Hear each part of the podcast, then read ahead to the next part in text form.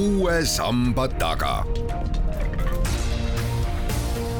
sammaste taha aitab vaadata sajaaastane eestikeelne rahvusülikool tere, tänane saade tuleb kahesaja kahekümne aastaseks saavast Tartu Ülikooli Loodusmuuseumist ning professor Urmas Kõljalg on sellepärast ka mikrofoni ees, sest peale õppetöö on ta ka Loodusmuuseumi direktor. küsitleja on Madi Ligi, kui vaadata nüüd kahesaja kahekümne aasta taha, siis milliste kogude ja materjalidega Loodusmuuseum alustas? materjale on isegi teada esemete kaupa, et neid tuli veidi üle kuuesaja ja põhiliselt olid nii palju palju kui me teame, olid tegemist siis geoloogiliste objektidega, mineraalidega ja sealhulgas oli siis ka zooloogilisi, ütleme, liikide esindajad, väidetavalt olid need praktiliselt kõik siis piirituses, mis oli tol ajal väga oluline siis säilitusvedelik muuseumidele. ja tol hetkel muidugi siis loodi mitte loodusmuuseum, sellist nime ka rahvusvaheliselt ju ei olnud veel, loodi ja nimetati nimetati neid looduskabinettideks või loodusloo kabinettideks, kus siis need säilikuid või, või eksemplare, nii geoloogilisi, zooloogilisi, botaanilisi hoiti, nii et, et see on väga hästi teada kuupäev ja millised siis või kui palju neid äh, säilikuid siia saabus Tartusse. see oli ikkagi annetus ja see oli siis äh, tolleaegse tsaari venna annetus, mis siia jõudis, nii et,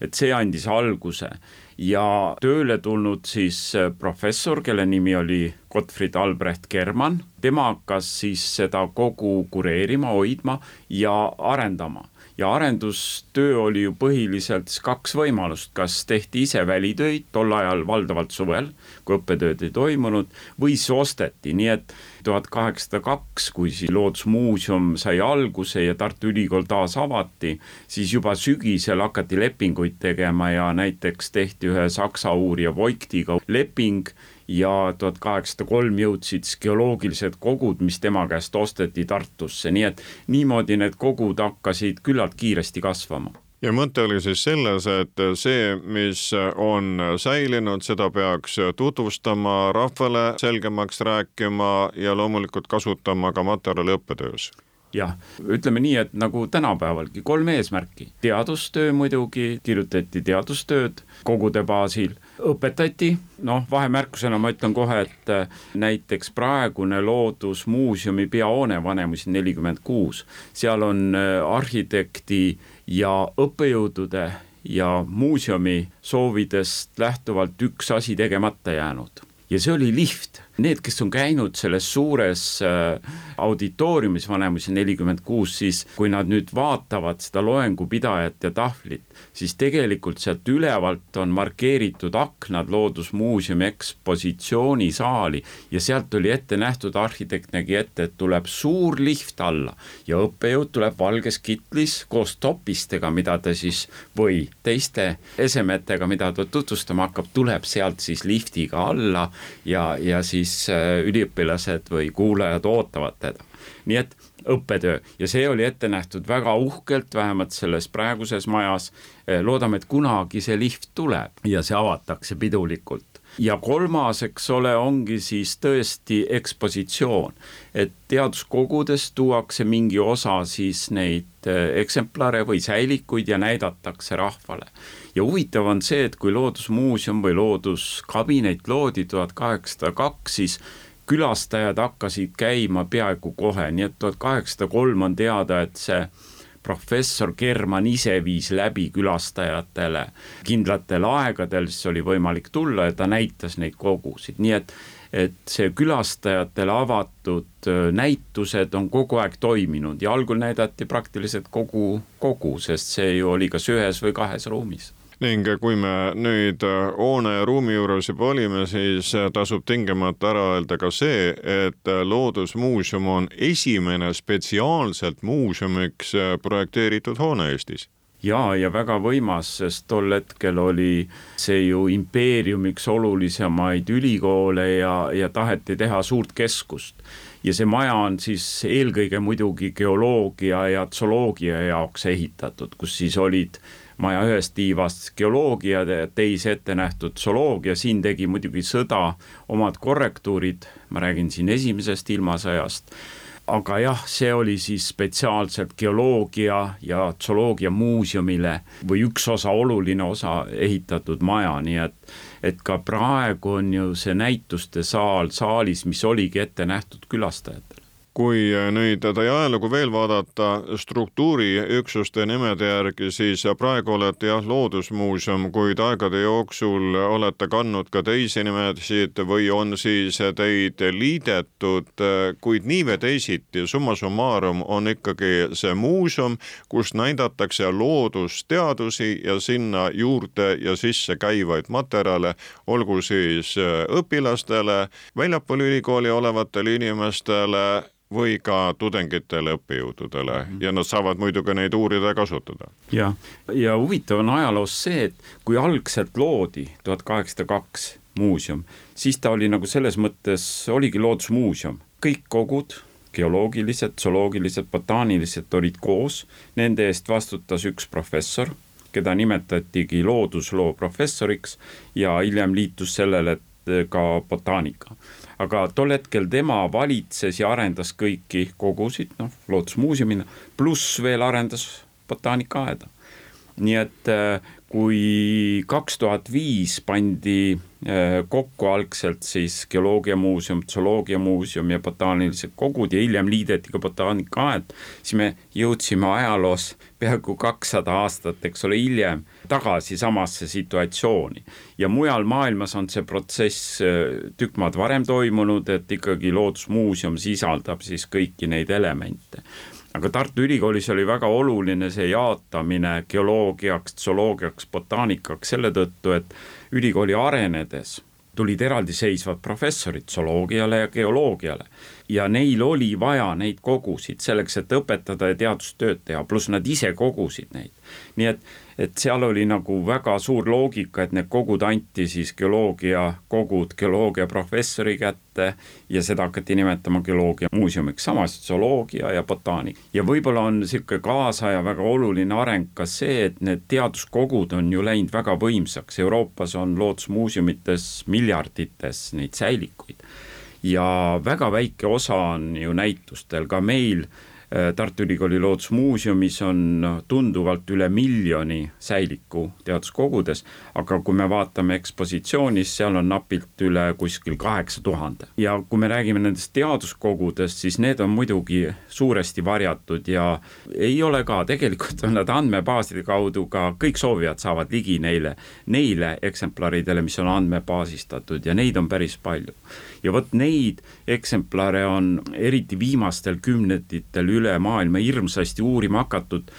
põhjusel, et meil on tulnud teadusesse uued tehnoloogiad, noh, mõtleme näiteks DNA uurimine. see on toimunud viimase kolmekümne, kolmekümne viie aasta jooksul ja võib-olla plahvatuslikult kakskümmend viis aastat ja selgus, et kõik need materjalid, mis ka sajandeid tagasi on talletatud, normaalselt äh, hoitud kogudes, saab kõigi rakkude DNA juurde minna ja uurima hakata. sama on ka paljude teiste uurimisvaldkondadega, kus äh, tehnoloogiad on arenenud, noh, mõtleme kas või äh, ka kliimauuringud, et milline õnn on, et meil on siin materjalide read elusloodusest eh, mitmesaja aasta taha. meil on võimalik võtta see taim, mis kasvas sada aastat tagasi võrrelda täna kasvava samas kohas, samas koosluses. ja, ja see on teinud võimalikuks väga olulised eh, kliimauuringud, mis põhinevad siis eh, liikidel ja nende esindajatel. kui meil neid ei oleks, me ei saaks seda, eks ole, teha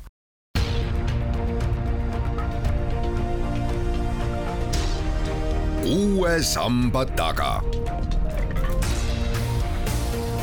sammaste taha aitab vaadata sajaaastane eestikeelne rahvusülikool professor Keljalg, väga ilus on vaadata ka seda busside rivi, mis äh, teie maja ees on. see näitab seda, et kooliõpilased üle Eesti käivad Tartusse kokku, et vaadata siis Loodusmuuseumi ning saada targemaks. nii et te ühtaegu harite nii tudengeid nende kogudega kui ka kasvatate ette nende uusi tudengeid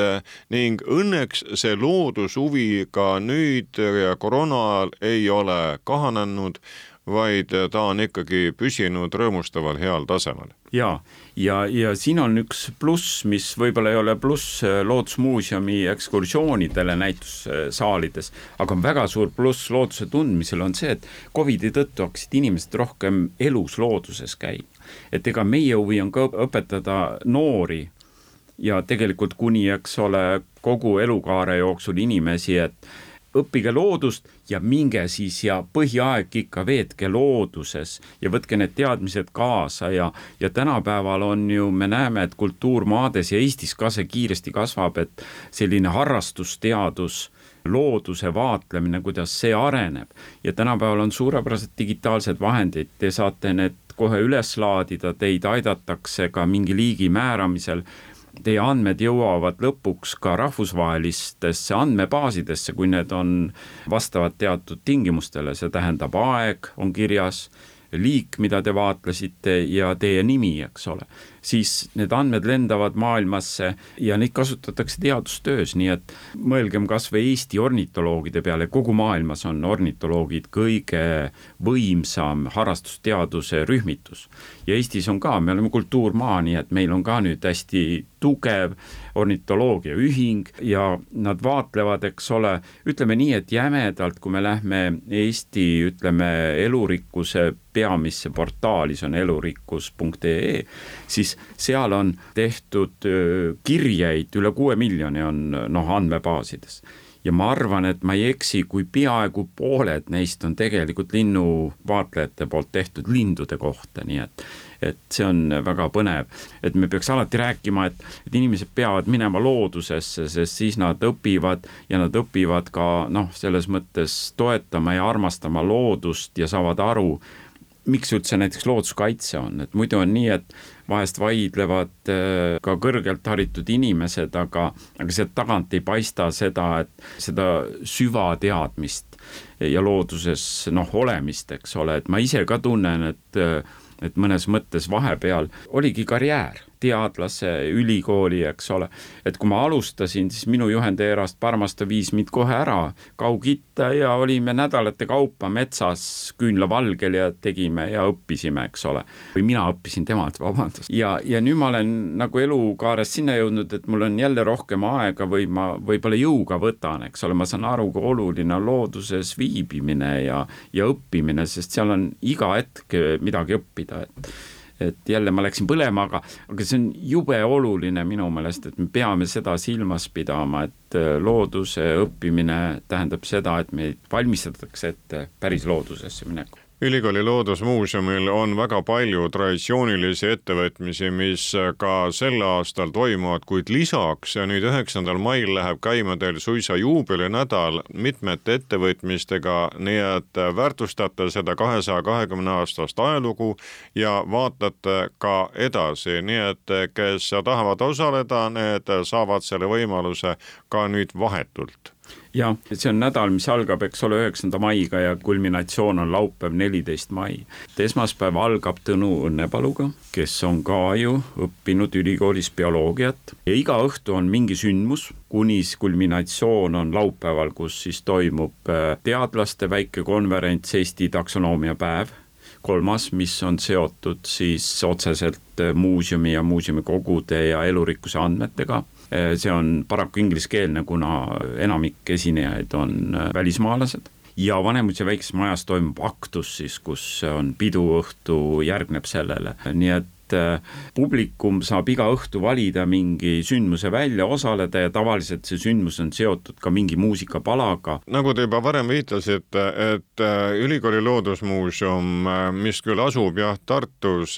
siis on kättesaadav üle maailma, sest tänu tänapäevastele võimalustele te olete pidevalt siis igasugustes võrgustikes, nii et neid kogusid, mis selle kahesaja kahekümne aasta jooksul on kogutud, saavad kasutada inimesed äh, üle ilma. ja, ja, ja siin on väga palju nii Euroopa põhiseid, aga ka globaalseid võrgustikke, kus siis äh, Tartu Ülikooli Loodusmuuseum on väga aktiivne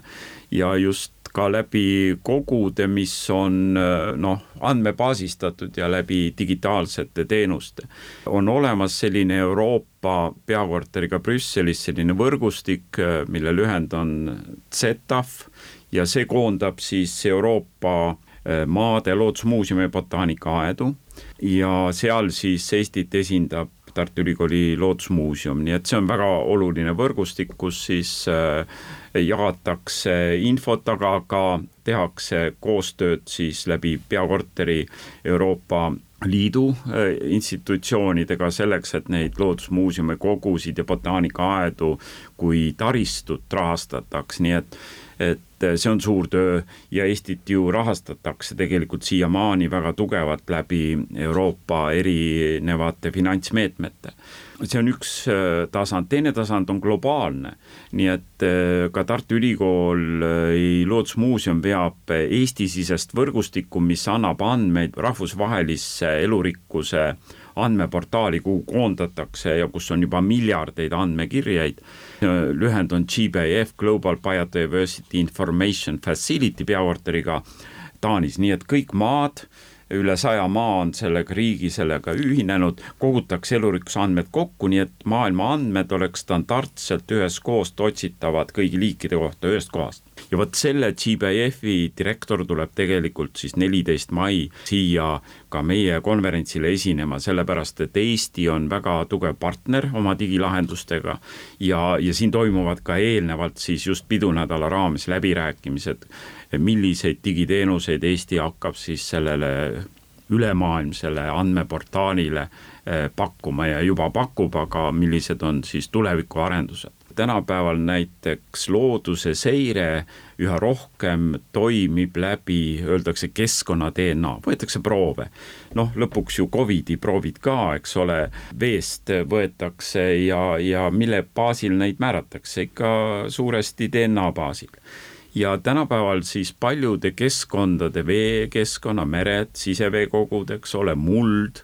võib-olla taimejuured, taime maapealsed osad, loomad, loomade sisemus, kõik need proovid, nende liikide määramine üha rohkem toimub automaatselt DNA baasil. ja siin on siis maailmas võrgustikud, näiteks üks suuremaid on, mida kutsutakse eesti keeles, võiks öelda DNA triipkoodistamise, sest noh, triipkoodi teavad kõik, aga triipkood on DNA mingi lühike lõik, mis on unikaalne igale liigile ja, ja siis ongi, kui te võtate mullast, eraldate kogu DNA ja kui need unikaalsed iga liigi, eks ole, triipkoodid on olemas, siis trrrt, saate kiiresti võib-olla kümne tuhande liigi määrangu ühest mullaproovist ja praegu ehitatakse üles Euroopa oma sinna maailma külge ja Tartu Ülikooli Loodusmuuseum on jälle seal rahaline partner selles mõttes, et, et me aitame teatud teenuseid äh, üles panna. kogu see keskkond, eks ole, see Tartu, et ma rõhutan seda, et, et mis need kaks ülikooli on Tartule andnud, et need inimesed ja,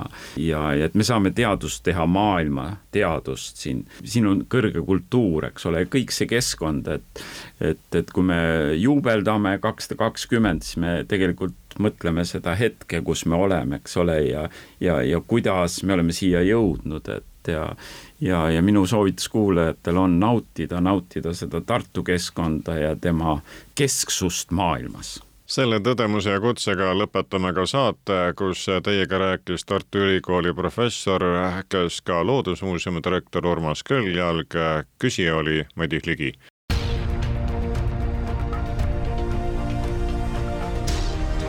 uue samba taga. Sammaste taha aitab vaadata sajaaastane eestikeelne rahvusülikool